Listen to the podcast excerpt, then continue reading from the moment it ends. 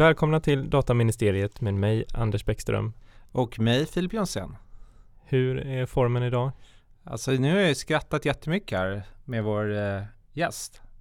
Så nu Ja. känns den utmärkt. Caroline Solskär. Hej!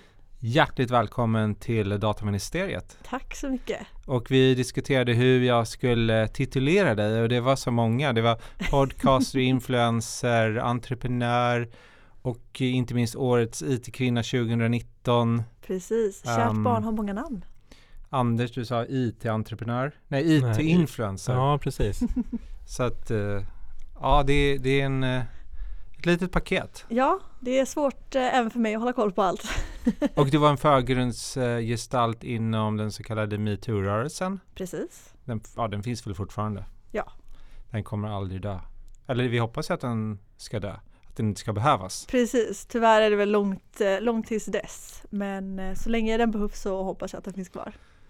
Och Mm. du har ju en bakgrund också på mera IT-baserade företag som Combitech, Nordic Tech House och kanske Microsoft också. Microsoft. Precis. Ja, det där lilla Microsoft också. Ja precis, det, utöver ni kanske inte tech- har hört om det där lilla bolaget Ja. men eh, Är det något nytt? Måste ja precis. Jag älskar ju typ Word och Excel. Ja, Excel. det är härligt. Det är verkligen det. Du nämnde innan här lite att du hade varit inne på informationssäkerhet och Filip nämnde det för det var väl just det som var Combitech. Mm. Vad hade du för roll där och hur eh, Ja men just informationssäkerhet är ju någonting som många pratar om när det handlar om dataskydd också. Bara lite kort där om vad du gjorde då, vad du fick för bild av informationssäkerhet, informationssäkerhetsarbete. Mm. Eh, jag jobbade på Combitech eh, medan jag pluggade. Eh, så jag, jag var deltidsanställd eh, och jobbade då som cybersecurity konsult. Eh, och eftersom jag inte var liksom fastanställd som de andra så var, hade jag en väldigt rolig roll där jag fick göra lite allt i allo. Eh, och det här var ju innan GDPR kom men det var precis liksom när så här, kaoset runt GDPR började och folk var så här Åh nej, GDPR kommer men ingen visste vad det var. Mm. Eh, så det var väldigt så här, så att jag hade mycket, mycket av mitt jobb då var med så här Caroline, kolla upp det här GDPR, vad är det? Och sen förklara för resten. eh, sen så jobbade jag mycket med eh, social engineering eh, och då alltså var ute på bolag och försökte fysiskt ta mig in. Eh, och det tyckte jag var väldigt roligt för då fick jag känna mig lite som så här någon hemlig agent, typ James Bond och skulle då liksom ta mig in i byggnader och så här försöka ta, ja, ta mig in på typ så här vdns kontor och ta bild om jag såg så här ehm, dokument som inte borde ligga framme och om jag såg en olåst dator så skicka mail från den och sånt där. Eh, så det var superspännande. Och sen Gick det bra? Så, vad sa du nu? Gick det bra? Eh, jag blev aldrig tagen faktiskt. Alltså jag hade alltid med mig liksom ett brev i väskan eller i eh, fickan som det stod klart om jag skulle bli tagen. Jag kunde visa där det stod att så här, ja men ring till vdn eller säkerhetschefen och så kunde de då förklara vem jag var. Eh, men det behövde jag aldrig ta fram för att folk är ju väldigt eh, godtrogna och vill väldigt gärna hjälpa till och kommer det fram någon som ser ut som de är hemma och ler trevligt och frågar ska du kunna öppna den där dörren för jag har glömt mitt passerkort eller frågar någonting annat så vill man jättegärna, jättegärna hjälpa till. Tipset är ju att man det går att öppna men man ska följa personen till platsen där den hämtar kortet. Precis, ja att man, precis, att man aldrig låter någon vandra runt som inte som sagt har ett eget kort eller kan identifiera sig som att man liksom ska vara där. Jag har ju stoppat folk som inte har kort i entréer och de blir förnärmade. Ja, ja, men man blir ju det. Och det blir ju jobbigt då om man är personen som säger så här Nej jag kommer inte släppa in dig eller du, alltså, du, får, inte, du får inte åka med mig upp i hissen om du inte själv har ett kort. Eh, så då blir folk jättesura men eh, det är ju faktiskt ens ansvar att göra det. Mm. Har du någon rolig så här, episod? Eh, ja, jag kommer ihåg en gång när jag och min kollega var på ett bolag eh, och så gick jag in i ett, Eh, det var ett, liksom ett så konferensrum som stod tomt men inne i rummet så stod det en dator som var uppkopplad till en skärm. Eh, så jag gick in och började liksom ta kort på liksom allting jag såg och helt plötsligt så kommer det in en gubbe i rummet och han måste ju typ bara kanske varit på toa eller någonting. Eh, och jag ser liksom min kollega i ögonvrån för han var inte inne i rummet och han, jag bara ser han bara stelnar till och bara springer, alltså så här, går därifrån jättesnabbt för att han vill ju inte också bli påkommen. och så jag och den här mannen då, vi så här stirrar på varandra och jättelänge så var det helt tyst och så säger jag bara så här hej hej och han bara hej och så bara går jag. så, Han bara så här, sa ingenting. Det var, och det blev verkligen så här, det var så stel stämning men jag bara gick därifrån så här som att det var helt vanligt. Eh, så det är nog väl mest så här närmast jag har kommit och bli påkommen. Det är ju väldigt intressant ändå. Att, eh, antagligen så är det en person ändå som kanske känner att det är någonting som är lite vajsing här. Ja, men någonting står, har hänt här som är lite konstigt. Precis, det står en främmande person inne i ett rum och liksom tar kort och nu kanske, eller som står framme med mobilen och nu kanske han då, alltså bara man inte vågar ifrågasätta för att man är så här man, fa man fattar liksom inte vad som har hänt men man vågar heller inte så här, vad håller du på med? Nej. Utan man bara låter det gå typ. Mm. Så. Jag tänker på det där med jag, jag är helt störd eftersom jag jobbat fem år på Säpo innan det på polisen så jag låser ju alltid min dator. Alltså det har hänt att jag har glömt det men då får jag typ en chock när jag kommer tillbaka mm. och ser att min dator är olåst. Mm. Men om jag går runt på kontor då ser man ju olåsta datorer. Ja. Jag säger inte på vårt kontor för där är alla jätteduktiga men på tidiga arbetsplatser. Mm. Um, äh, nej, men generellt har jag hört att det är ett stort bekymmer att folk man får inte in det i ryggmärgen, de här reflexerna. Du reser dig från stolen, då ska du låsa. Även om du bara ska gå bort till ett skåp. För mm. när du är vid skåpet, då kommer någon komma fram och säga Hej, kan inte du komma med? Vi har ett möte här borta. Mm, och då glömmer du bort att den inte var låst. Mm. Ja, det där är så vanligt och jag är likadan. Jag låser också alltid min dator och ser mm. jämt och ständigt folk som inte gör det. Och jag kan inte, kan inte för mitt liv förstå hur man, hur man bara kan lämna sin dator olåst. Och jag minns faktiskt min eh, lärare när jag pluggade, eh, just pluggade då eh, cybersecurity.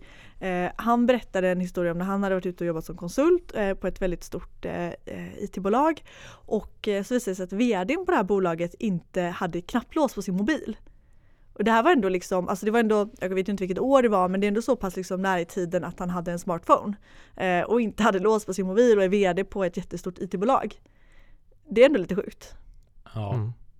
Det låter typ som min mamma eller något. Ja. ja. Som bara, nej men uh, jag, hon köpte en ny telefon häromdagen. Så det första jag bara, ska jag ta bort knapplåset? Ja. Gärna va. Nej men jag, jag, jag, tror att det där, mm, eller just det där med att låsa datorn, det är väl en eh, till dess att man fått in det som en vana så är det någonting som många upplever som väldigt jobbigt och sen är det nästa grej att de, men det, det är bara vi här, det är ingen som ska vara här som inte jobbar här eller det finns väldigt många ursäkter upplever jag. Fast nu hörde vi att Caroline är ju där, eller var där ja, då. Precis. Ja, det ja, man, ja, man vet aldrig när jag Nej. smyger förbi. Nej, Nej men grejen är att det är ganska enkelt nu också. På, på i alla fall mackar har ju liksom fingeravtrycksöppning. Mm. Så det är inte så, nu har inte jag en mack så jag måste göra lite andra manövrar. Ja. Jag, har, det, jag, kan säga, jag har en PC och jag har också finger. Ja, så man kan det, göra. Ja. Jag menar det är ju som att låsa upp sin telefon idag. Ja, ja, Sen om man ska ha sitt finger, jag har det. Om det är bra eller dåligt, det låter ju vara osagt men Men eh, sen eh, kom du vidare där på Combitech utan att göra sådana här Ja, jag ser bara någon Tom Cruise uh, Mission Impossible grej med ja. att smyga runt. Det är lite svårt att släppa det faktiskt. Ja, men hela det här social engineering, det är ju i andra länder är det jättestort. Mm. Um, typ i USA är det ju en he hel industri med, mm. med sådana både, från båda sidorna, både utbildning på insidan och folk som ska försöka ta sig in och både typ vita mössor och svarta mössor. Du var ju en vit. Men det är ju stort alltså. Ja. Det finns ju, om, man, om man klickar på YouTube mm. så finns det ju väldigt många så här roliga filmer. Ja, jag vet. Jag älskar att kolla på sådana. när alltså, de, har, så när de ringer till kundtjänsten och, och sen um, har de tittat upp så här, lite uppgifter som de har hittat och sen försöker de luska mer och mer och mer. Mm. Och för varje liten ytterligare detalj de får så kan de ju få ytterligare en detalj och ytterligare en. Ja. Precis. Ja, det, är, det är väldigt, väldigt fascinerande. Jag har länge, länge, jag skulle ha haft det i jobbet. Jag tror att jag skulle vara ganska bra på det. Mm. Ja, men vi kan starta upp ett uh, nytt bolag där vi bara gör det. Ja, ja. ja vi kör. Kul. Vilken Datainfiltratörerna. Precis, ja. så vill ni anlita oss är det bara att ringa. Ja, det är väl bäst att ringa i alla fall och boka så man inte bara dyker upp. Ja, precis. Om ni ser oss göra inbrott någonstans så lovar vi att att det är helt i sin ordning. Ja. ja vad gjorde du sen då? När du, för det där var under studietiden dessutom som du Precis. hann med det. Mm. Eh, så när jag var klar med mina studier sen så fick jag jobb på Microsoft eh, Eh, och började jobba där. Och då jobbade jag som program manager, hette min roll. Eh, jag jobbade ett globalt team som bestod av vi var väl ungefär 700 personer eh, varav de flesta var utvecklare och och eh, enligt min åsikt och många andras eh, några av Microsofts absolut bästa utvecklare inom väldigt specifika områden. Så AI, IoT, eh, mixed reality och så vidare. Och vad vi gjorde var att vi åkte runt till våra key customers och anordnade hacks med dem. Så säg att typ Ikea vill göra någon ny IoT-lösning eh, så kunde deras eh, eh, ja, då kunde liksom deras eh, an, liksom kontakt hos oss ansöka hos mig och så godkände, kollade jag igenom caset och såg om det var liksom, verkade värdefullt och i sådana fall så gjorde vi ett hack tillsammans eh, under fem dagar. Eh, så det var väldigt kul och fick jobba väldigt mycket med eh, saker som jag tycker är väldigt roligt vilket är teknik och innovation. Och jobba med att så bygga prototyper och helt enkelt så här, men fram, liksom jobba med framtiden. Det tycker jag är roligt. Jag måste bara, vi, vi har fått backning tidigare vad man slänger oss med förkortningar. Så IoT är det ju sakernas internet. Precis. Och Internet AI of är konstgjord intelligens. Ja, det är robotar som kan eh, göra mänskliga saker. Eller men, alltså så här, automatisering helt enkelt. Göra tråkiga mänskliga saker än så länge. Ja, det, det, det, alltid hör man det. Just det där att de ska ersätta de här monotona arbetsuppgifterna. Mm. Men då har man ju glömt att det finns många människor som gillar monotona arbetsuppgifter. Ja, Mm. eh, absolut. Men det, de, kommer, de kan inte ersätta allt än. Men mycket. Och jag tror att så här, jag tror det är viktigt att trycka på det. För att mycket när man pratar om AI så blir det så himla lätt att man pratar liksom om AI som vi inte kommer ha på väldigt, väldigt, väldigt många år. Men man pratar om det som att det redan finns. Och då när man väl ser en AI-produkt så är det nog väldigt lätt att bli besviken om man inte förstår vad AI är här och nu. Så jag tycker ändå det är, så här, det är viktigt att trycka på att vad AI kan göra nu är ju liksom automatisering av fortfarande, alltså så här av uppgifter som är ganska tråkiga och de kan göra det mycket snabbare och effektivare. Men det är inte så här, en AI kan ju inte ersätta en människa.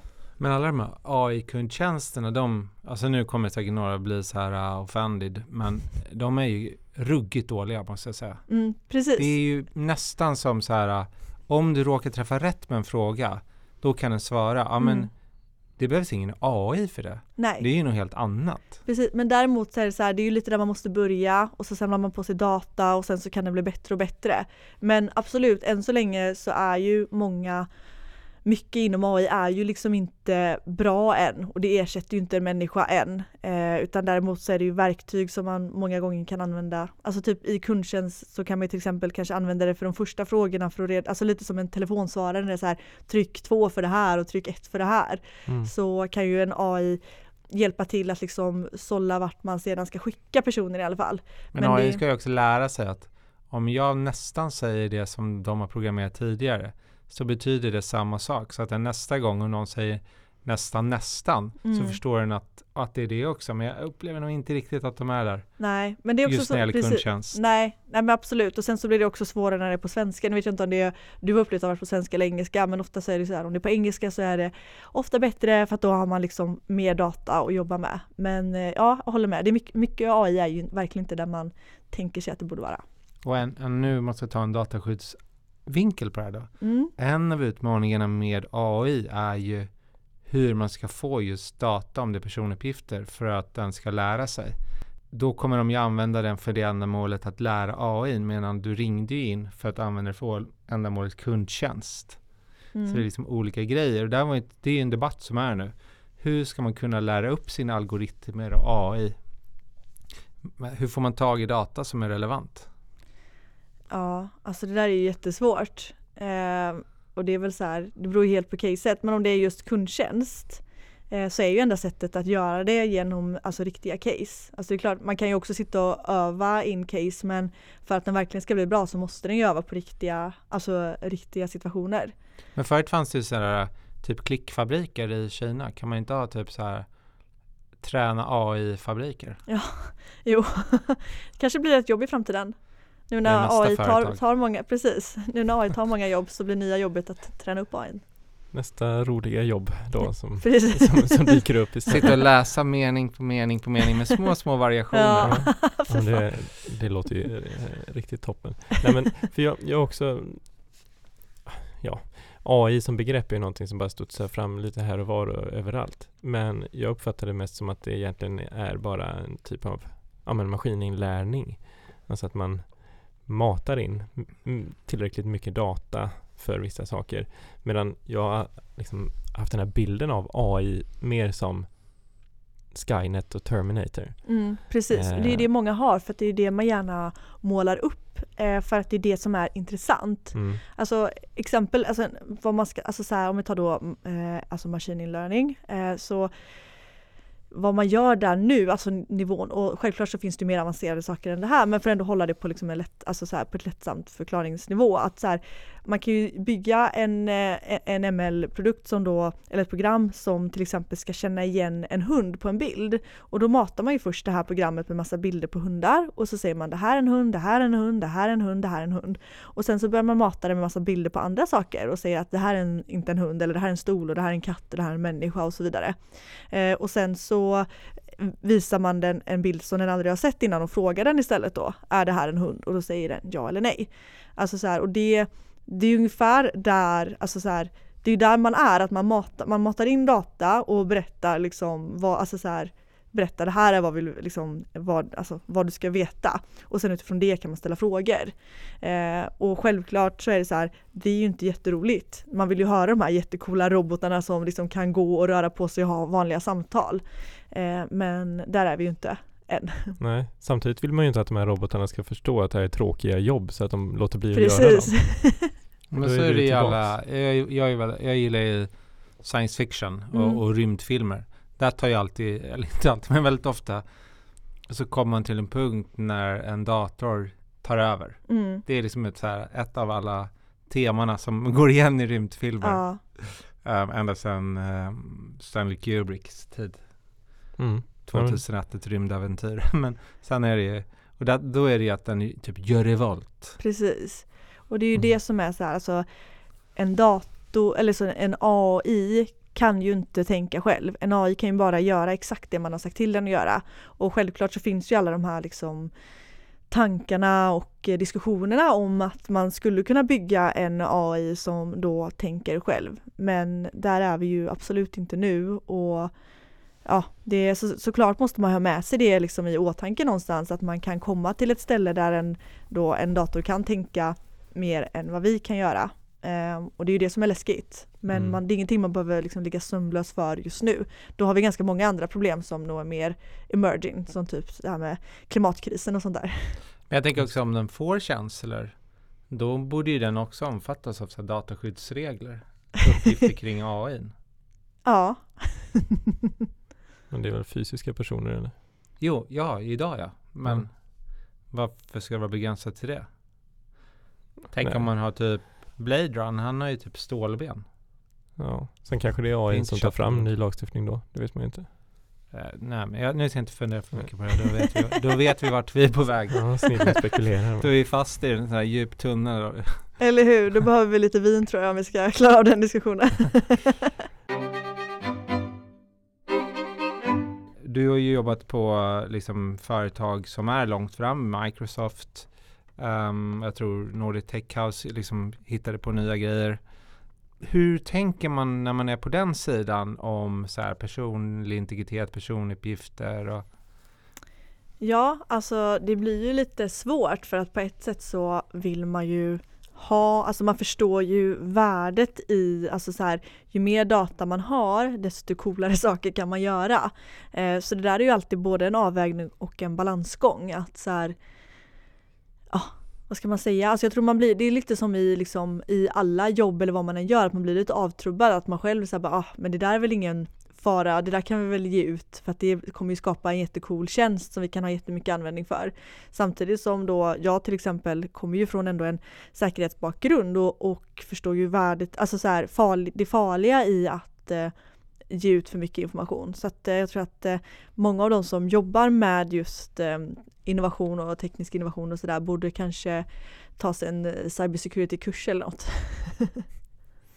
Men i, idag har det varit, eller det, det framförs ju mass, massor med kritik så här, mot dem mot Microsoft eh, och Google, Facebook eh, och massa andra ganska väldigt stora företag Mm. för att de samlar på sig massa data och att man har kommit till, i vissa områden i alla fall till en brytpunkt där det är nästan omöjligt att ta sig in för att de sitter, besitter så mycket data Mm. att du kommer inte kunna konkurrera. Men det, har vi rätt bild av de här drakarna eller vad man ska kalla dem? Är de onda eller är de goda? Eller ingenting? Ja, nej tyvärr så är väl många av dem onda. Eller alltså det är väl så här, det är svårt att säga. Det är så här, när jag jobbade på Microsoft till exempel så pratade vi mycket om privacy och, och om sånt och, och då var ju alltid, alltid fokuset på liksom hur skyddar vi den datan vi har och, och, och hur kommunicerar vi ut liksom att vi faktiskt bryr oss om att vara ett säkert bolag. Eh, men sen sitter man ju självklart inte med liksom på hemliga möten i Seattle på huvudkontoret och hör vad de säger där. Eh, men det är klart, det ser man ju när man, alltså så här, om man tittar på bolag som eh, Facebook och Google och, så vidare så är det ju ganska tydligt att eh, ja, de har ju, alltså så här, de samlar ju på sig extremt, de har extremt mycket data och de verkar ju inte riktigt vara orädda för att använda den. Så jag tror ändå man ska, man ska tänka efter lite men sen så är det ju så här Problemet blir ju också inte bara liksom vad de tycker om datan, eller liksom vad de vill göra med datan utan också så här, vad händer om någon annan får tillgång till datan? Om man kommer åt all den enorma information som Facebook och Google har eh, och då liksom verkligen vill göra on, liksom onda saker med dem. Är någon, har du sett något exempel på när någon har kommit över stora mängder data och gjort någonting särdeles ont med den? Alltså inte med, från de här personerna, bara generellt. Finns det sådana exempel där man, ett data breach där man verkligen har sett så här, shit, där råkade många illa ut?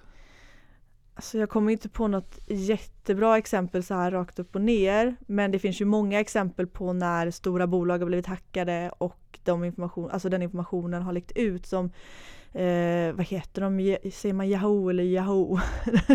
det var ju för några år sedan så hade mm. ju de ett jättestort, alltså så här blev hackade och den informationen läckte ut och det är ju så här det är inte alltid att personen som själv har hackat använder sig av den. Men att sen lägga ut den på liksom Darknet och låta vem som helst få tillgång till folks bankkonton och personuppgifter. Bara det i sig är ju liksom av ondo.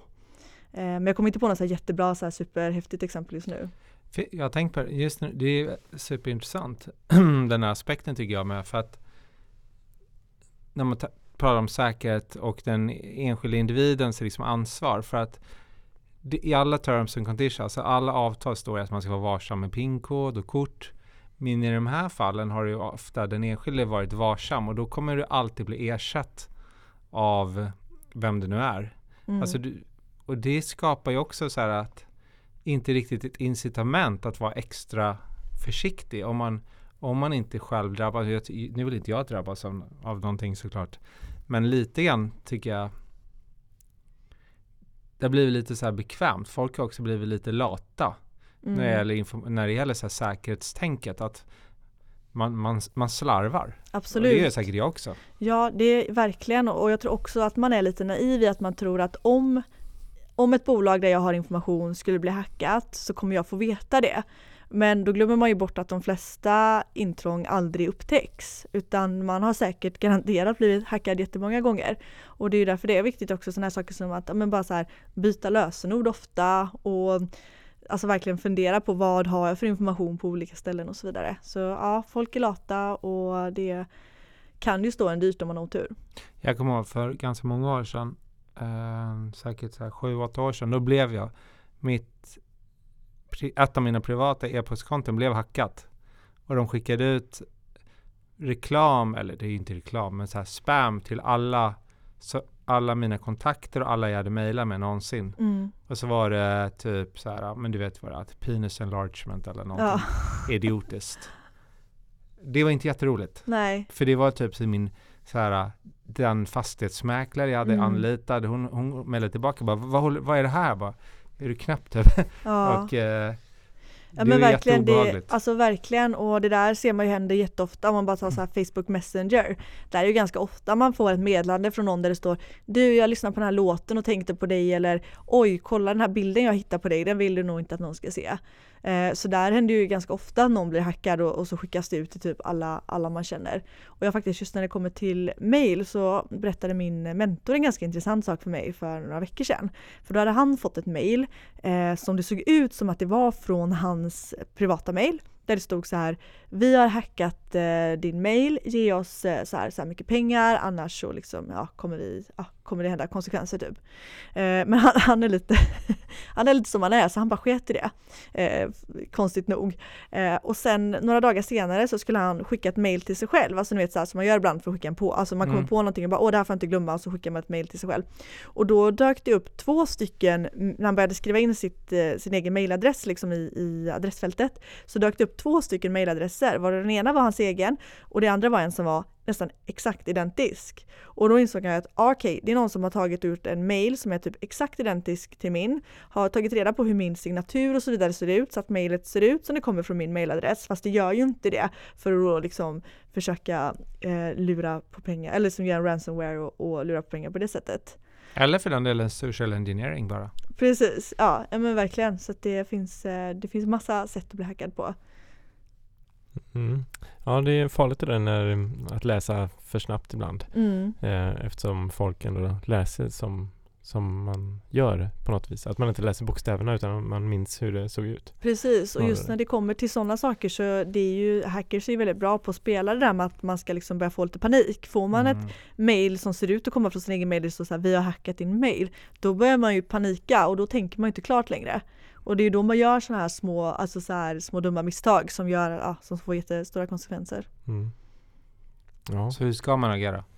Man ska nu ta måste det. vi lära upp alla ja, precis. lyssnare. Ja, nej, men om man får, oavsett om det är ett mail då från vad som då skulle låtsas vara ens egen mail eller om man får ett mail från typ, säg att man får ett mail från Kronofogden där det står så här Du har liksom fått en skuld hos oss, om du inte klickar på den här länken och betalar nu, nu, nu så kommer du få en prick i registret eller vad som helst där man bara så här, det är någonting där man antingen uppmanas att klicka på en länk eller ladda ner någonting. Så steg ett är bara så att ta ett djupt andetag eh, och sen så brukar jag alltid först och främst, alltså klicka aldrig på länkar eller ladda ner filer direkt från ett mail utan gå alltid till sådana fall till hemsidan och ta det därifrån eller ring direkt till bolaget och fråga liksom, vad är det här för mail.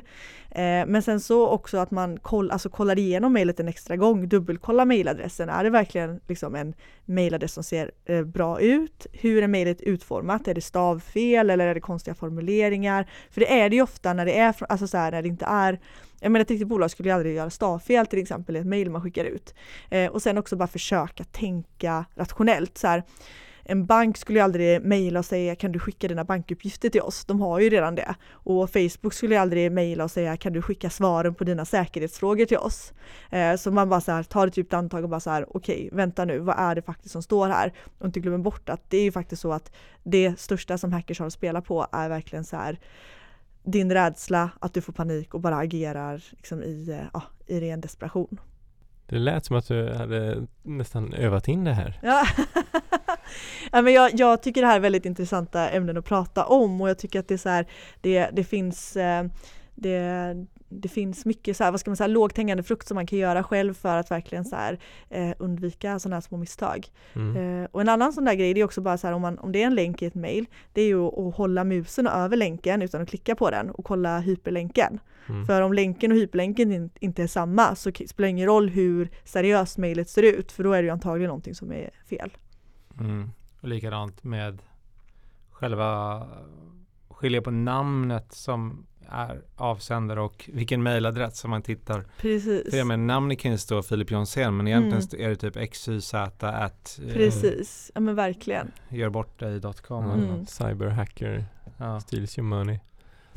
Mm. och handla och sen finns det vissa man äh, jag vill inte nämna vilka men äh, jag, jag har märkt att jag handlade på um, via en viss app eller om det var en hemsida och sen fick jag så sjukt mycket spam att det var nästan obehagligt.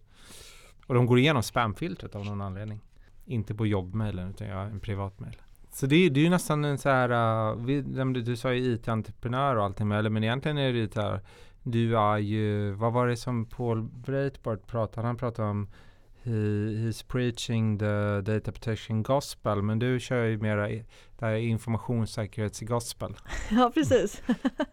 Försöker. um, och pra, på tal om liksom att försöka föra ut något stort budskap så var det ju också en annan väldigt intressant integritetsfråga som vi faktiskt haft tagit upp här tidigare när vi hade han som då var medieombudsman, nej nu är han medieombudsman, men då var han pressombudsman. Um, Mr Sigurdsson. och eh, det här med metoo. Mm. Där vi då, där jag, eller vi har konstaterat flera gånger i podden att dels är det ju en kränkning av i första läget något, oftast en kvinnas integritet, alltså kroppsliga integriteten eller i, i, och så vidare. Och sen har vi sett att när man typ, det låter kanske lite här, hängt ut folk Mm. så blir det ju en, en kränkning av, kan bli av den personen också. Mm. Eftersom det var ju ändå lite drivande, en Mm. av de drivande. Så hur, hur tänkte du då och hur tänker du nu? Har det förändrats? Ja, alltså jag tror att när metoo kom och liksom blev ett fenomen eh, så tror jag att det var väldigt många och eh, mig själv inkluderat eh, får jag ändå säga. Så man, liksom, man drogs med väldigt mycket i det där och jag tror att media som media alltid gör ska ju alltid liksom, deras fokus är alltid bara att skriva liksom de sjukaste liksom eh, artiklarna med de eh, mest galna liksom, rubrikerna. Eh, och mm, ser man tillbaka på eh, vad som hände när metoo var som störst och som hypat, mest hypat så är det såklart så att eh, det, det, det skedde ju mycket anklagelser och eh, i just i det här sammanhanget så tänker jag inte lägga någon värdering i vad som var sant och vad som var falskt utan bara liksom för diskussionen om vad som hände runt omkring. Och det blev ju att eh, många eh, kvinnor gick ut och anklagade många män för mycket hemska saker och eh, vad media gjorde då var ju att eh, hänga ut de här männen utan att eh, det på något sätt var någon som var liksom faktiskt anklagad. Alltså det var ingen som hade liksom blivit eh, ehm, nu tappar jag ordet här. ehm, Men inga åtal och inga Precis, utredningar. ja det var ingen som hade faktiskt blivit åtalad och faktiskt ingen som hade blivit dömd för någonting och ändå gick man ut med namn och bild på väldigt många män.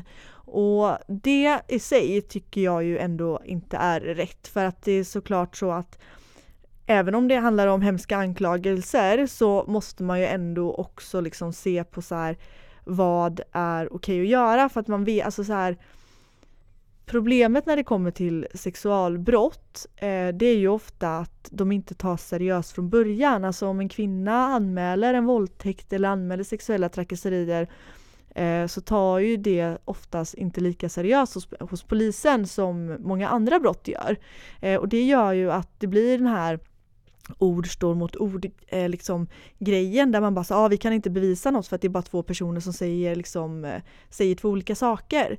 Eh, så själva grunden i problemet det handlar ju om att man måste ta anmälningarna på allvar direkt och göra en lika seriös utredning som man skulle göra vid ett eh, mord eller vid ett inbrott eller narkotikabrott. Alltså så här, om någon anmäler ett brott så ska det utredas seriöst och inte bara liksom viftas bort.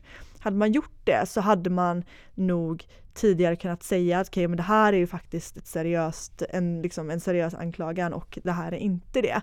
Ehm, och, och det så, så, så självklart är det ju så att det är jätte det är jättehemskt om någon blir utsatt för ett sexualbrott och det är ju också jättehemskt om någon blir falskt anklagad för det. Mm. Men i det här fallet var det, det är helt, jag håller helt med om allt det där. Ehm, men det var ju också många fall som kom upp där kvinnan inte ens har gått vidare utan för att det var ett samhällsproblem att män har utnyttjat någon sån här maktposition så den som var utsatt har inte ens vågat göra en polisanmälan eller Mm. höja sin röst.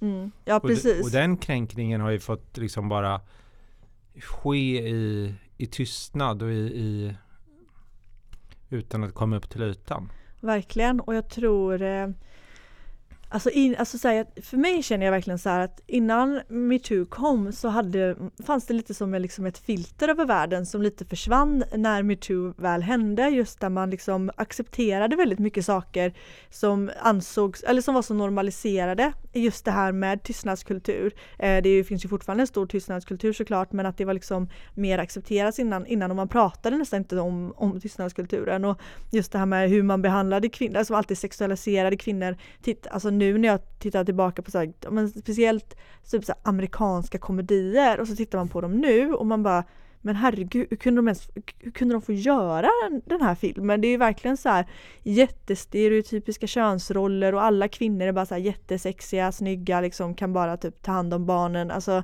så. Eh, och tyvärr, och så är, ser det fortfarande ut i samhället eh, på många sätt och vis. Men ja, sakta men säkert så går man väl mot en värld där det blir bättre. Men självklart så är ju alltså all det, liksom, säga, det sexuella förtrycket är ju ett jätteproblem. Ja, vi, man ska också komma ihåg att metoo-rörelsen var ju inte, den var ju global på ett sätt. Men den har inte fått genomslag i massor med länder. Um, som den har fått tyvärr. här nej. Nej, det är ju faktiskt, Sverige är ju det land i världen som det egentligen, alltså um, Holland är det land i världen med näst flest Google-sökningar eh, på, på metoo. Och de har, det är bara typ hälften så mycket som, eller en tredjedel eller något sånt där, som hur många Google-sökningar det är på metoo i Sverige. Så det har ju fått ett enormt mycket större liksom, genomslag här än på väldigt många andra ställen. Mm. Förhoppningsvis säger det någonting om hur samhället här är eh, jämfört med många andra. Alltså, ja. Man skulle ju kunna tänka sig att om man har i alla fall lite mer jämställt än många andra ställen så skulle man också kunna eh, alltså få möjligheten att uh, göra sin röst hörd. För det var ju väldigt många som gjorde det och tog den möjligheten, bland annat då inom domstolsväsendet om jag inte minns fel, eller i alla fall jurister som också var ute och, och uh, kommer jag inte ihåg vad de hade. En, eh, vilken rätt? Ja, precis. Precis. Alltså det, just det du är lite inne på nu, det är de här branschupproren. Mm. Eh, och det var ju någonting som särskilde Sverige lite. Att det kom branschuppror i typ alla branscher. Mm. För i många länder så kom det branschuppror men då var det framförallt fokuserat på media och liksom eh, underhållning. Mm. Eh, men i Sverige så skedde det i typ varenda, alltså nästan varenda bransch som finns. Och det gjorde att helt plötsligt så kunde ju ingen skylla ifrån sig. Man kunde inte bara säga så här, nej men det händer inte här eller det händer inte hos oss. För det var ju så tydligt att så här, det här är ett problem som händer överallt i samhället. Eh, mm. Så jag tror verkligen att branschupproren gjorde extremt mycket. Och sen också sagt att i Sverige så är ju inte det här en ny fråga. Det är inte någonting som egentligen kom som en chock för någon. Sen är det klart att många blev chockade över att det var så utbrett. Mm. Men här finns ju liksom redan, alltså det, fin- det är ju redan en diskussion som man har så det blev inte det här jättestora steget att gå från att låtsas som att det inte finns till att helt plötsligt behöva erkänna det. Utan här var det mer bara att det blev liksom ett eh, mer eld i, liksom, i diskussionen. Och också att vi har många kvinnor som sitter på höga chefspositioner, som sitter på höga beslutsfattarpositioner så, som gör att man liksom inte man är inte rädd här för att diskutera det och tänker att om jag börjar prata om det här så kommer jag förlora jobbet. Eller liksom generellt så är det ju inte så utan här vet man ju att så här, även om jag tar upp de här frågorna och diskuterar dem eller pratar om saker som jag själv varit med om eller liksom lyfter upp andra som varit med om det så är inte det liksom en anledning till att jag kommer förlora jobbet. Även om man såklart också när man ser tillbaka fått höra många historier om kvinnor som har blivit uppsagda. Till exempel kvinnor som har blivit våldtagna och sen anmält det och så är det de själva som eh, blir uppsagda och så här. Så det finns ju också. Men, men generellt om man jämför Sverige med många andra länder så, mm. så har vi ändå kommit mycket längre redan innan. Mm. Men en, en, aspekt som jag tycker var väldigt viktig med rörelsen i, alla, nu, i mitt eget liv var att jag alltid tyckt att det är helt självklart att, att uh, man ska ha lika lön och allting ska vara lika. Men samtidigt när man börjar reflektera då eftersom det pratades så mycket om det så man får väl erkänna så här, det var nog inte helt omöjligt att man kunde falla in i någon jargong i vissa sammanhang. Mm.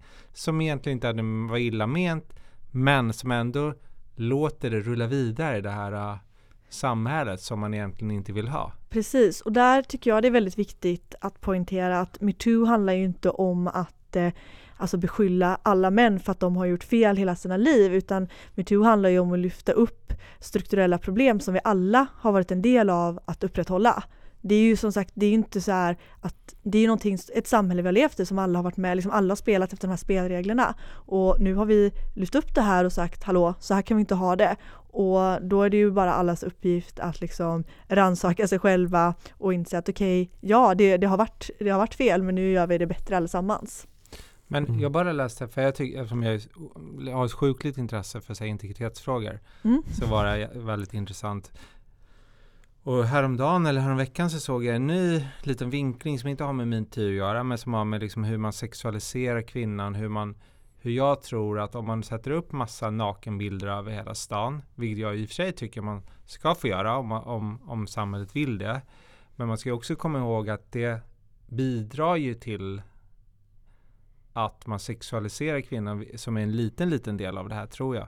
Sen, eh, det borde kanske mer bättre om man liksom jämnade ut det istället för att bara tog bort det. Så här, visa lite liksom lättklädda män också. Ja, verkligen.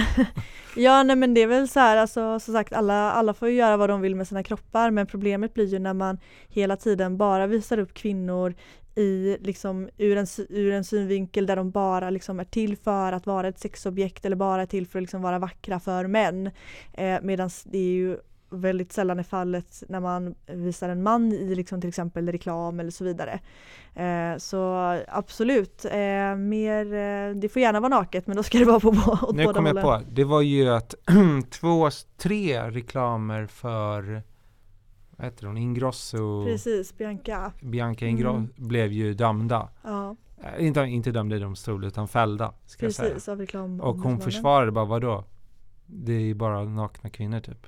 Ja, alltså ja, min personliga åsikt i det där är ju att alltså, när det kommer till reklam så ska ju reklamen vara relevant för det man faktiskt säljer och Ehm, även om jag skämtar lite här om nakenhet så tycker jag absolut inte att, liksom, att eh, sexualisering av, av kvinnor i reklam bara för att sälja en eh, till parfym eller vad det nu är hon säljer absolut inte är okej och speciellt när det kommer till någon som då ska vara en förebild för unga tjejer så nu går väl hon och säger att hon inte vill vara en förebild men har man satt sig i den situationen att man faktiskt är en förebild så tycker jag att man kan, eh, då får man växa upp och ta det ansvaret. Eh, Så jag tycker att det, tycker det är väldigt bra att hon blev dömd för det där och jag hoppas att hon lär sig någonting av det. Det, det låter som någon sån här säljgrej med tjej. Ja, ja, men det är ju så, det är liksom. sex- Och det sex säljer. låter ju Ja. lite, inte så lite, men det låter ju väldigt mossigt. Ja det är ju det, det är ju väldigt mossigt och det är ju väldigt så här, man bara har vi inget nytt att komma med. Men jag Ja. tycker att det börjar komma mer och mer reklam där man visar så här normala kvinnokroppar. För att det blir ju det som blir problemet att i, i reklam så visar man ju bara liksom alltså jättefotoshoppade bilder som är så här, det är ingen som ser ut sådär, inte ens personen på bilden ser ut sådär. Mm. Och då går man runt och jämför sig med det där och tänker att oj det är sådär jag ska se ut och så är det helt ouppnåeligt.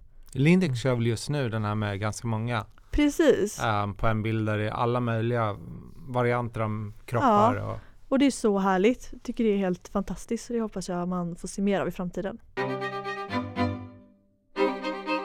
jo, Ska vi ta oss lite närmre vårt kärnämne kanske? Även om det är Dataskydd. lätt att spinna iväg här med dig Caroline.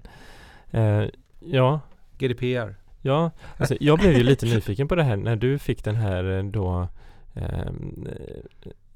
GDPR-hatten. Ja, precis. när de bara säger till dig att jo du, ta reda på lite mer om det här, förklara det för oss. Ja. Hur förklarar du det om du bara tar lite snabbt sådär?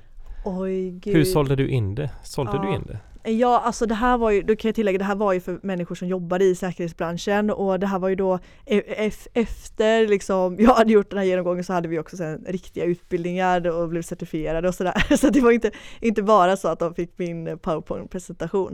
Eh, nej men vad jag gjorde var ju mer att så här, samma, alltså för det här var ju egentligen precis när man hade börjat där Alltså, jag försökte väl bara sammanfatta mycket och liksom visa på så här vilka viktiga delar innehåller GDPR egentligen. Mycket med alltså så här med att man har rätt att kräva tillbaka sin data och vilka viter det finns och, och vad de faktiskt innebär och så vidare. Eh, så att eh, jag kommer inte ihåg exakt vad jag skrev för att förklara GDPR utan det var mer så här sammanfatta, sammanfatta punkterna i GDPR lite lättförståeligt och bara så här okej det här är faktiskt vad vi liksom har att göra med. Och sen så försökte vi då tillsammans börja diskutera liksom okej hur kan vi hjälpa våra kunder att, att komma hit. Mm. En viktig Mm. fråga är om de sa GDPR eller GDPR. GDPR tror jag. Ja, det är bra. Ja, det där har du... Du verkar tycka starkt om det. Jo, men det var ju, det är lite grann som internet och internet. Ah. Alltså det är en sån här generationsfråga. Men Kex och och de som jobb, det, ko- I vågen, den, den vågen du pratar om som faktiskt Mm. var där 2016, 17, 18. Det var ganska många som kom in och så sa de GDPR. Ja, fy alltså. Ja, Mm. men vi som hade jobbat längre, vi sa alltid GDPR. Ja. Ja. Ja, så, eh, för just det där med int- internet och internet. Det tycker jag, det är någonting som finns med i en man som heter Ove. Mhm. Att han, jag har för mig att han lägger betoningen på internet. Internet. Och på tal om internet, alltså går det ens att ha så här personligt, vi var med Drakar, man använder, jag använder Google, jag älskar Googles Um, typ Maps och allting. Jag Ja. tycker det är fantastiskt. jag, kommer inte ens ihåg, vad gjorde man innan Google Maps? och innan Google äh, Google- Translate? Bara Ja, det irrade jag, runt. men va, innan, innan Google, vanliga Google, Google, Ja. så var det ju Alta Vista. Men det är ju för att jag är över 40 så jag Ja. kommer ihåg där. Och jag Ja. använde också Alta Vista. Det Ja. var ju väldigt hett då. Men du som är så ung. Ja, tillräckligt gammal tydligen för att ha använt Alta Vista. Ja, men Yahoo var ju sjukt stort i USA. Mm. Och är fortfarande lite större där än här. Det är väl ingen Microsoft, det är ju det Bing eller vad det heter. ja. Det är en katastrof. Ja. Det, det är en katastrof i Sverige vill jag tillägga. För det är lite samma sak där, alltså det är en söktjänst och den lär ju sig ju mer folk använder den. Så i faktiskt alltså i engelsktalande länder och i typ USA och sådär så är den faktiskt ganska stor eh, och tydligen ganska bra. Eh, men här i Sverige, eller som i icke engelsktalande länder så är det ju fruktansvärt dåligt. Ja, okej. Men går det att behålla den här personliga integriteten i, i, på internet? Um, alltså jag tror att man måste, alltså man måste, där måste man ju göra en avvägning för att jag tror inte att så här, det går inte att behålla om man inte tänker på det. Uh, och man måste nog göra ett litet beslut. Antingen så vill man vara en person som, uh, som behåller det och är lite mer privat uh, och då får man eh, undvika vissa saker och inte dela med sig av allt. Eller så får man vara en person som är helt transparent om allting. Eh, och, och, och det, jag tror inte så här, alltså det är bara att välja och jag tror för min del, jag har valt att bara säga jag är helt transparent om typ det mesta. Sen självklart inte med så här, typ lösenord och sånt, men liksom med mig som person. Eh, och, och det är så här, sen har jag vissa som har gått tillbaka till att ha en Nokia 3310 och eh, inte använder några former av sociala medier och knappt något internet, liksom, bortsett från på jobb och sådär. Eh, men, eh, men man måste nog vara väldigt medveten om att alltså, data idag är ju en valuta och man betalar, alltså det är extremt mycket tjänster man använder idag som man tänker är gratis men som ju inte är gratis utan det är bara så att man faktiskt betalar med någonting annat än vanliga pengar. Och där måste man ju börja så här väga så här, är det här, alltså vad är den här tjänsten eller den här saken som jag får nu värd för mig? Är den värd allt det jag faktiskt ger bort? Och vad är svaret? Att det är, helt, det är ju helt individuellt och eh, jag tror alltså det skulle vara intressant om det kom fram någon form av liksom så här eh, vad ska man säga, valutaomvandlare för ens data så att man faktiskt mer skulle kunna alltså så här, sätta något pris på det ordentligt. För det finns det ju inte nu utan nu är det ju jätte så här, man har ju ingen aning om vad, vad data man har är värderad till. Eh, men jag tror ändå man kan lite så här själv börja så här fundera lite. Alltså så här okej vad är det faktiskt för information jag ger ifrån mig nu och vad är det jag får tillbaka? Och bara börja tänka på det lite som i alla fall en, någon form av valuta. För jag tänker så här, jag brukar dra exemplet, det är kanske är idiotiskt. Men om jag är, nu är jag i Vasastan så bara, åh, gud vad blev jag sugen på italiensk mat. Och så, så googlar jag så här italiensk restaurang. Jag behöver inte skriva in någonting mer utan jag får ju träffarna som är nära mig. Mm, Men om jag inte hade delat med mig av min position då hade jag fått träffar i hela världen. precis. Um, men samtidigt skulle man kunna vända på det och säga så här. Ja, men den kunde känna av min adress precis vid sökningen och sen ta bort den igen. Men så funkar det inte utan de sparar ju att det var jag, att jag var där för att kunna, jag vet inte, förbättra tjänsterna brukar det heta. Ja, precis. Ja, och det, det är ju det som, eh, som, som är den här avvägningen. Man kan ju stänga av så att eh, det inte sparas vart man är. Men som sagt, då, då missar man ju hela det fina med att faktiskt kunna få, få direkt se vad som är närmast. Och på samma sätt när man alltså så här, eh, när man googlar någonting och sen så dyker det, ja men man ska kolla, man en gång råkar skriva in diskmaskin och sen så är det väl den där reklam man ser liksom handlar om diskmaskiner. Eh, och, och det är ju inte heller kanske jättekul hela tiden men å andra sidan är det ju väldigt praktiskt om man faktiskt eh, vill köpa en, eh, en diskmaskin till ett bra pris. Men just det där adtech, jag- just den här lilla de- delen av adtech jag vänt mig mot tidigare i podden för att jag tyckte, okej jag googlar på diskmaskin, sen åker jag och köper en diskmaskin, sen får jag reklam för diskmaskiner i två veckor. Och det är så här, så att den där AI eller machine learning eller den där adtech-maskinen, den är ju så sjukt korkad.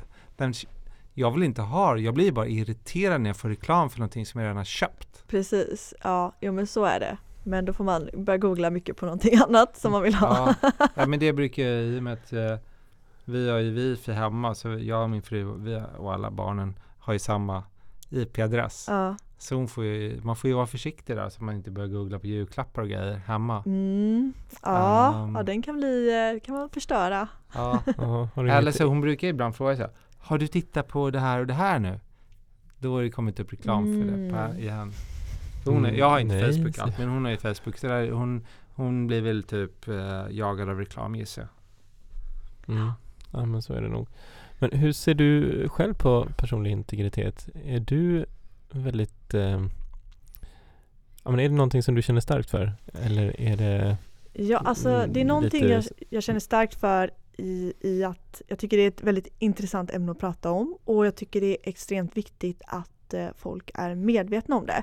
Sen som sagt är jag själv som person någon som ändå, jag skulle ändå säga att jag är ganska så här, alltså delar med mig ganska mycket av min data för att jag har liksom vägt fördelarna mot nackdelarna och anser att så här, jag gillar de sakerna jag får av att dela med mig av min data. Eh, men det är också som sagt någonting jag alltid reflekterar över när jag gör det. Eller inte alltid såklart, för det händer ju hela tiden. Men ofta reflekterar över och faktiskt tänker så här, ah, ja men okej nu, nu delar jag med mig av det här och, och vad kan det få för konsekvenser?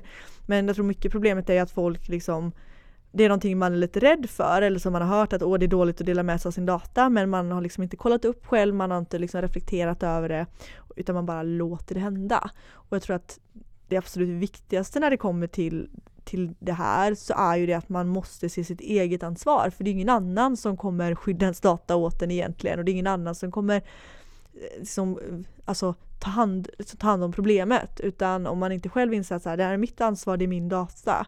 Ehm, ja, men det tror jag är jätteviktigt. Det där tycker jag är en väldigt intressant aspekt. För att GDPR är ju väldigt paternalistisk på det sättet att, att statsmakten har bestämt åt individen vad som är okej och vad som inte är okej mm. med din data om man vill Mm. kalla det så. Jag, jag tycker det är lite konstigt uttryck. Äga data men så att mm, det tål verkligen att reflekteras över. Hur mycket har jag rätt att bestämma själv? Och hur mycket har staten redan bestämt? Så här ska du tycka. Ja, Mm. jo det är klart. Men sen så har man ju också alltid alltså det finns ju väldigt mycket data som inte innefattas i GDPR som fortfarande kan vara väldigt känslig information. Speciellt när man Absolut. liksom kopplar ihop det. Så ja, men jag tycker så här, jag, jag, eh, jag gillar ju verkligen GDPR. Jag tycker det är så här, det, det är en bra det är en bra statement tycker jag. Att så här bara, nej men det här är ändå liksom, nu, nu måste vi liksom börja ta tag i de här frågorna lite grann. Eh, för det ser man ju också så här, när det kommer till datasäkerhet så är det ju så här regelverk och politiken ligger ju så himla långt efter så ibland blir man ju så här, man bara, är det här ett skämt eller? Någon måste väl, någon måste väl vara lite insatt i det här och bry sig lite mer. Ja, det skulle man kunna tycka. Man kan ju tro det, men det var väl sånt som eh, eh, var det kongressen som fick i USA som fick jättemycket eh, kritik för utfrågningen av eh, Mark Zuckerberg.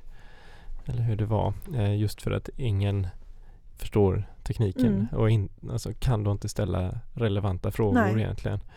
Ehm, och det är väl det som är utmaningen numera. Att det är, ja, men både Filip och jag är jurister i botten och det är ju av hävd ett väldigt eh, ja, gammeldags och ganska traditionsbundet eh, skrå. Medans all eh, typ av innovation och så just nu är ju mer på den tekniska sidan där man hela tiden vill framåt med nya produkter och nya tjänster och liknande. Mm. Ehm, så det är väl en stor utmaning för framtiden att få juristerna att fatta lite mer teknik och eh, IT och hur saker Absolut. faktiskt funkar. Ehm, men en grej som vi inte varit så Jo, vi har ju varit och snuddat på det ändå. Det är ju det här med aktivism. Mm. Som jag förstått är någonting som du också brinner väldigt mycket för. Du var inne på det i metoo-rörelsen kan man väl säga då. Mm. Men du har också kört lite TED-talks om det, eller hur var det med det? Blandar jag ihop dem eh, Eh, nej. lite grann där? Nej, eller jag, eller alltså jag, jag gjorde ett TEDx-talk och då pratade jag om eh, hur jag startar upp metoo-manifestationerna. Eh, och det heter då Anyone can become an activist och handlar just om att så här, jag har ju ingen bakgrund inom aktivism eller liksom inom politiken utan startade upp det här de här manifestationerna för att det var en fråga jag verkligen brann för och i och med att jag gjorde det så väcktes ju liksom den här glöden i mig på något sätt. Jag insåg att så här, det här är ju frågor jag måste fortsätta kämpa för och att eh, det är någonting som alltså, vi alla har inom oss på mer eller mindre och som, som man inte ska vara rädd för att så här, tänka att oh, men det där är ingenting jag kan göra utan det måste någon annan göra utan vi har alla liksom makten i oss att skapa förändring. Det har vi varit inne på tidigare här också att vi jag är ju liksom tycker jättemycket om Greta Thunberg och jag tycker att metoo-rörelsen var jättebra. Ut, sen fanns det baksidor men i stort var den jättebra. Att det, och vi har en någon som heter Max Schrems, jag vet inte om du talas om honom, mm. som är någon typ av privacy-aktivist. Men han, han, han, har ju inte blivit den här uh, dataskyddsaktivisten som, som, som ni var förespråkade för Metoo eller Greta Thunberg för. Som Tvärtom har han fått ganska mycket mothugg av en del, även om många tycker att jag tycker att det är väldigt intressanta frågeställningar han tar upp. Men att det saknas fortfarande den där uh, enskilda som, som liksom får hela skjutsen. Mm. Så att det mm. inte blir så här, ja ah, nu har de bestämt i Bryssel om GDPR, hur vad jobbigt. Utan att det blir så här, for God's sake, privacy är viktiga frågor, tänk på det. Mm. Verkligen. Ja men det där, sånt där är ju så svårt för att det är ju liksom ingenting man riktigt kan planera på något sätt. Alltså så här, metoo-rörelsen var ju ingenting som var planerat, det var någonting som hände. När, när Greta började, liksom, när hon satt och hade sin strejk, liksom, alltså det var ju så här, det var inte hennes plan antar jag att liksom allt skulle hända som hände henne utan så här, det, det är ju liksom någon eldsjäl som bara så här, nej, nu har jag fått nog, nu ska jag liksom stå upp mot det här och sen så såklart så behövs det också att det är en person som kanske är lite liksom, ja men så, som Greta, hon är ju liksom, hon är ju verkligen så här jättegenuin och sig själv och det är ju det som gör att det blir så så jävla bra liksom att hon är inte så här, hon är inte där för att bara bli känd eller bara liksom för, för att få vara med i tidningen utan för att hon är så himla passionerad för det hon, hon tror på. Och det är väl det, om man ska vara lite sån så är väl kanske det som kan vara problemet när det kommer till privacy för då är det ofta okay, det är någon som kanske jobbar med IT och uh, om vi ska kolla så generalisera IT-branschen så är vi kanske inte alltid liksom de mest så här, outgoing liksom uh, så här personerna som eh, Men du blev ju årets IT-kvinna, du är väldigt Precis. outgoing. Ja. ja. Vad var det som gjorde det? Ja, vad, vad, vad, var din IT-grej? Min IT-grej? Eh, nej men Årets IT-kvinna eh, är då ett pris som går till en kvinna som jobbar i IT-branschen, vilket jag gör. Eh, och som jobbat, eh, alltså både jobbat med att här, få in fler kvinnor i branschen men som också är en förebild för kvinnor i, i branschen. Eh, så, så det var, jag har jobbat mycket med så här, både mina egna sociala medier men också genom olika initiativ då för att både få unga tjejer att vilja plugga tekniska utbildningar men sen också eh, få kvinnor som har pluggat en teknisk utbildning att här, vilja stanna i IT-branschen och inte göra någonting annat istället. För det är också ett stort problem att det är många av kvinnorna som faktiskt pluggar tekniska utbildningar sedan inte stannar kvar i branschen. För, eh, på juridik är det precis tvärtom. Jag, det är typ 70% kvinnor på juristlinjen just nu. Mm, kul. Så det är, ja, eller det är ju egentligen ett omvänt problem. Det är ja. inte heller bra. Nej, det är klart. Men jag tänker att det tidigare har varit fler män. Det har det historiskt mm. var, Precis, har det bara varit att, gubbar. Ja. Eller inte gubbar när de pluggade. Nej, nej, nej. gubbar de blivit gubbar de blev det sen. sen. Men fortfarande är det ju extremt många delägare som är män. Ja, det är fortfarande en, en jättestor utmaning i för juristskrået, framförallt advokatbyråer. Mm. Där vissa är Delphi i Göteborg och Delphi generellt är sjukt föregångare på allt vad gäller jämställdhet tycker jag. Så jag vill framhålla dem. Uh, men jag kom på, vi hade ju Edward Snowden när det gäller privacy-aktivist mm. som fick enormt genomslag. Ja, verkligen. Men också blev jagad på kuppen. Alltså, ja. Eh, det är ju ett ja, litet... i Ryssland. Ja men det är ju ett litet eh, aber i sammanhanget får mm. man säga om man nu är en sån aktivist att man ska behöva gömma undan sig istället. Precis. Då ska man uppnå höjden av integritet plötsligt. Ja, ja men det, det, blir ju tyvärr så när man bråkar med de där stora jättarna. Alltså då, man får ju många fruktansvärda fiender ändå. Och det ser man ju samma om man kollar på Anonymous till exempel. De har ju alltså så här Eh, det var ju någon dokumentär för ett tag sedan där de filmade många av dem då som blev, blev liksom upphittade och dömda och alltså ja, det är ju det, ja, det är ju man, det är så här, för problemet när det kommer till, alltså så här, problemet när det kommer till den här formen av aktivism är att man ofta många gånger begår ganska grova brott enligt lag och då blir det ju problem. Om man eh, till exempel då skulle vara djurex, djurrättsaktivist och låsa fast sig framför ett eh, liksom, slakthus eller någonting så är det väl klart att man begår någon form av brott men det är ju inte lika grova brott alltså enligt lag som då om man eh, till exempel då eh, jobbar som hacker eller liknande, Mm. alltså även om man då är en god hacker. Så ja, så det Ja finns men det är när, precis för att det låser fast i ett träd är säkert någonting mot ordningslagen. Precis. Eh, Men en hackare är väl någon typ av grovt dataintrång och Ja, möjligt precis. annat. Ja. Mm, nej men så är det ju. Så är det ju. Men eh, nej, det vore kul med någon som var Ja okej, slapp gömma sig eh, men ändå eh, vurmade starkt för eh, Ja, Ja. precis, men det är ju så här, man får hitta den där fina linjen mellan att faktiskt så här, ja, men vara ute och predika liksom eh, och få folk att förstå hur viktigt det är och samtidigt själv då inte faktiskt begå några brott. Och jag menar det är inte så svårt att göra men problemet är väl att man får ju mer uppmärksamhet också om man faktiskt liksom gör något, alltså så här, för att få upp lite bass så behöver man väl ofta göra någonting liksom mer än att bara stå och snacka. mm, Och hur ser det ut här, personlig integritet? Kristallkulan nu framåt. Uh, vi pratar IoT, vi pratar även om, om sån här eh, integritet i stort. Är vi på väg åt rätt håll, fel håll eller neutralt håll? Eh, jag tror att vi är på väg åt fel håll om vi inte börjar prata mer om det och faktiskt liksom vidta åtgärder. Jag tror att skulle jag själv gissa hur det kommer se ut framöver så tror jag att människor själva kommer att behöva göra ett mycket mer tydligt val. Alltså här, antingen som sagt så är man online och är en person som delar med sig av allt och liksom tvingas till total transparens. Eller så är man en person som faktiskt får gå offline och inte alltså, eh, använda internet och, eh, och liknande väldigt liksom minimalistiskt. Eh, så att så jag, jag tror personligen att det är så det kommer bli, att man faktiskt kommer behöva ta det här mycket mer tydliga valet. Antingen så är man med på tåget eller så hoppar man av och håller sig lite i skymundan. Och det gissar båda är lika okej. P- precis, ja men verkligen att det blir mer bara så här livsstilsval lite grann. Man, man väljer hur man vill leva. Det finns ju en, en dokumentär på Netflix här, eh, om personer i USA som le, lever off the grid. Mm. Men ja, det är ju inte där man vill hamna heller. Man vill kunna leva off the grid utan att bli en Netflix-dokumentär. Ja men precis, ja men jag tror att ju fler folk som väljer att göra det eh, desto mer liksom accepterat kommer det bli. För att nu är man ju fortfarande till knäpp om man gör det. Ja men det var det med. Ja. Man ska inte behöva vara det. Nej precis, man ska fortfarande kunna få vara liksom en, en normal person. Så att eh, ja, nej men jag, ja, jag tror att det kommer bli mer, van, se, alltså att man ser att det blir mer vanligt att folk bara säger nej men jag behöver inte det här. Då kan jag berätta, jag, man behöver inte Facebook. Jag har klarat mig utan det hela livet. Oj, fan Ja. vad sjukt. jag har haft det sedan 2007 så det är i stort sett sedan det slog Ja. igenom här tror jag.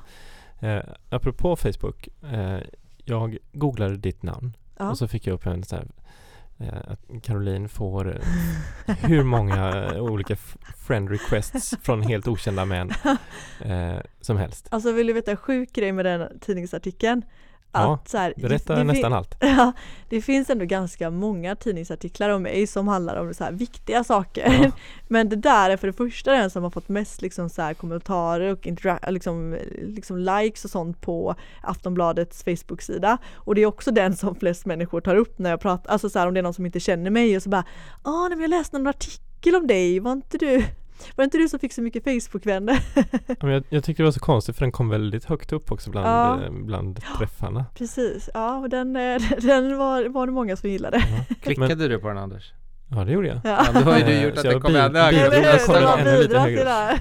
Men då tänkte jag, min fråga var ju mer, har det lugnat sig med det där eller är- ligger det Absolut. fortfarande på samma? Nej, nej, det var ju några veckor där det var helt hysteriskt. Då fick jag ju alltså flera hundra vänförfrågningar per dag. Eh, det var helt sjukt och det var liksom så här det var både män och kvinnor, det var såklart mer män än kvinnor men det var liksom från hela världen och när jag frågade folk, för jag så här, skrev ju till vissa här, frågade varför de hade lagt till mig och då var det ju så här, nej men eh, eh, du dök upp som så här eh, recommended friend typ så då tyckte jag att du såg trevlig ut. Eh, och sen efter den här artikeln gjordes så började ju folk skicka vännerförfrågningar till mig för att de hade läst artikeln. Mm. Så ja, det var en liten kaosig period men det har lugnat ner sig nu. Ja, skönt. Men var det precis efter metoo då eller under den tiden? Nej, det här var, det typ ett år senare nästan. Ja. Eh, så det var liksom inte alls i samband med det utan jag tror bara, alltså jag, jag vet faktiskt inte varför det hände. Det, nej, det, låter, det lät bara så himla konstigt tycker jag. Ja. Varför Va? det ens blir så. Nu kommer jag att tänka på en helt annan sak som, som jag är irriterad över när det gäller personlig integritet. Inte data, ja, lite dataskydd också. Och det här fattade inte jag förrän typ de senaste ett, två åren. Hur sjukt utsatta kvinnor är. De får så här, inte bara vänförfrågningar, ganska oskyldigt, men får så här tusen meddelanden typ med otrevliga bilder och sånt. Ja, dickpics. Alltså jag får aldrig det. Nej, var glad för det. Men det är helt sjukt. Vad är det för människor? Ja men det, det där förstår inte jag heller för att jag tror att så här, eller jag tänker att de flesta som skickar dickpics det är ju bara något så här maktspel där man så här liksom vill trycka ner en annan person och egentligen så, alltså så här, det handlar ju mer om det på något sätt att visa sig att jag har makt över dig. Eh, för det är ju aldrig så här, eller jag har ju i alla fall aldrig fått frågan om jag vill ha en dickpic utan det bara kommer ju så. Sen har alltså, det är ännu konstigare. ja det är bara så här istället för hej liksom så, så dök den upp så. Men jag Så- tycker det är, man kanske blir så här blasé, men för mig, jag skulle bli ganska så här offended. Bara, äh, vad är det här Ja för?" men det är ju äckligt. Alltså så här, det är ju inte någonting man vill se. Alltså jag vill inte se liksom massa bilder på folks eh, kukar. Det är ju jätteotrevligt. Och, och, men det är ju, ja, jag vet faktiskt inte varför man får för sig att det skulle vara en bra idé. Det är ju, om, någon lyssnar, om någon lyssnar som har skickat en dickpic så får man jättegärna höra av sig. Inte höra av sig och skicka en bild, man kan ju få höra av sig och berätta varför man, varför man gör det. En friend request på Precis, Facebook. precis skicka en friend request- friend request på Facebook. Nej men det är väldigt konstigt det där. Jag har liksom inte förstått. eh, Det är så många saker i det som är konstigt. Alltså, det, jag vet inte ens var man ska börja med det där. Men Ja, men ibland så börjar jag tänka så här med metoo och det här. Man bara, alltså, alltså har män liksom, hur har vi uppfört oss historiskt? Det verkar ju fruktansvärt. Ja, alltså ja, det, det, tror jag stämmer i och för sig. Ja, alltså jag får ju väldigt mycket meddelanden. Inte, så- inte så mycket dickpics men mycket så här konstiga meddelanden från eh, diverse män. Och det är så här, man, man, ibland undrar man ju liksom vad eh, det är så här, but why? Och ja, varför är det bara män som gör allt det här? ja det, det är en väldigt bra fråga. Eh, ja, för jag hör aldrig om kvinnor som hör av sig liksom helt till främmande män och, och skriver sådana här saker. Eh, så ja, jag har faktiskt ingen aning. Men det där känns ju som generellt. Alla grejer som är dumma. Så är det ju, det är ju sällan det är tjejer som gör det. Typ Ja, jag, jag lyssnade i och för sig alla- på en podd nu om hon eh, cyanidkvinnan som eh, förgiftade sin man. Ja, det men, finns ju några ja men då finns det några undantag som också blir kända som Ja. Den och den kvinnan. Mm. Alltså, Men det är ju mord och grejer. Ja, men de här uh, bara idiotgrejerna. Ja, fast sen alltså så här, jag tror också så här att när det kommer till till exempel så här eh, psykisk misshandel så tror jag ändå att det finns mycket män som blir psykiskt misshandlade av sina partners och även män som blir fysiskt misshandlade av sina partners bara att det är så jävla tabubelagt. Ja. Nu tror jag absolut, alltså procentuellt så är det inte många och liksom det stora hela så är ju de stora problem, problematiken ligger ju om mäns förtryck mot kvinnor men det, det finns ju såklart åt andra hållet även om det är självklart mycket mindre. Men det, ja, det är så, det är så vi är uppväxta liksom. Män, män eller pojkar får lära sig att de ska ta för sig och att de ska liksom vara jägare som ska vara aggressiva och liksom och så vidare. Och, och då, då, det är klart så här växer man upp med det och får se det i film och tv och lys, lyssna på musik som säger till en att det är det man ska göra. Så ja, då, då är det klart att eh, då behöver man ju vara ganska, ha ganska stark psyke för att inte liksom falla dit. Oh, då har jag starkt psyke. Ja precis, congrats! Hade vi Alltså- något ytterligare? Caroline, vad, vad känner du? Dataskydd, integritet, vad har vi missat? Oj! Var det något du tänkte så här innan, bara de inte frågar om det här? Ja precis! Eller hoppas de frågar om det här, men vi inte Ja. har frågat om det. Ja, antingen eller. Eh, nej jag kan inte komma på någonting just nu. Det känns som vi har pratat om så himla mycket saker. Men eh, alltså generellt om jag bara får lämna folk med, med, med någonting viktigt så är det väl bara just det att, så att ta eget ansvar i sin, i sin liksom eh, privacy liv eller man ska säga att man faktiskt så här läser på lite både om hur man skyddar sig från hackers men också på liksom det här när det kommer till att lämna ifrån sig data och börja så här reflektera lite över vad det faktiskt är man lämnar ifrån sig så att man inte bara ser sig själv som något offer för omständigheterna för så är det ju verkligen inte. Man, man kan göra mycket om man bara liksom tänker till lite. Mm. Håller med och vi bjuder in dig i fem år och kollar om kristallkulan Precis! ja, Ja. visade en rätt Mm. bild. Men jag tror att det ligger mycket i det du säger. Mm.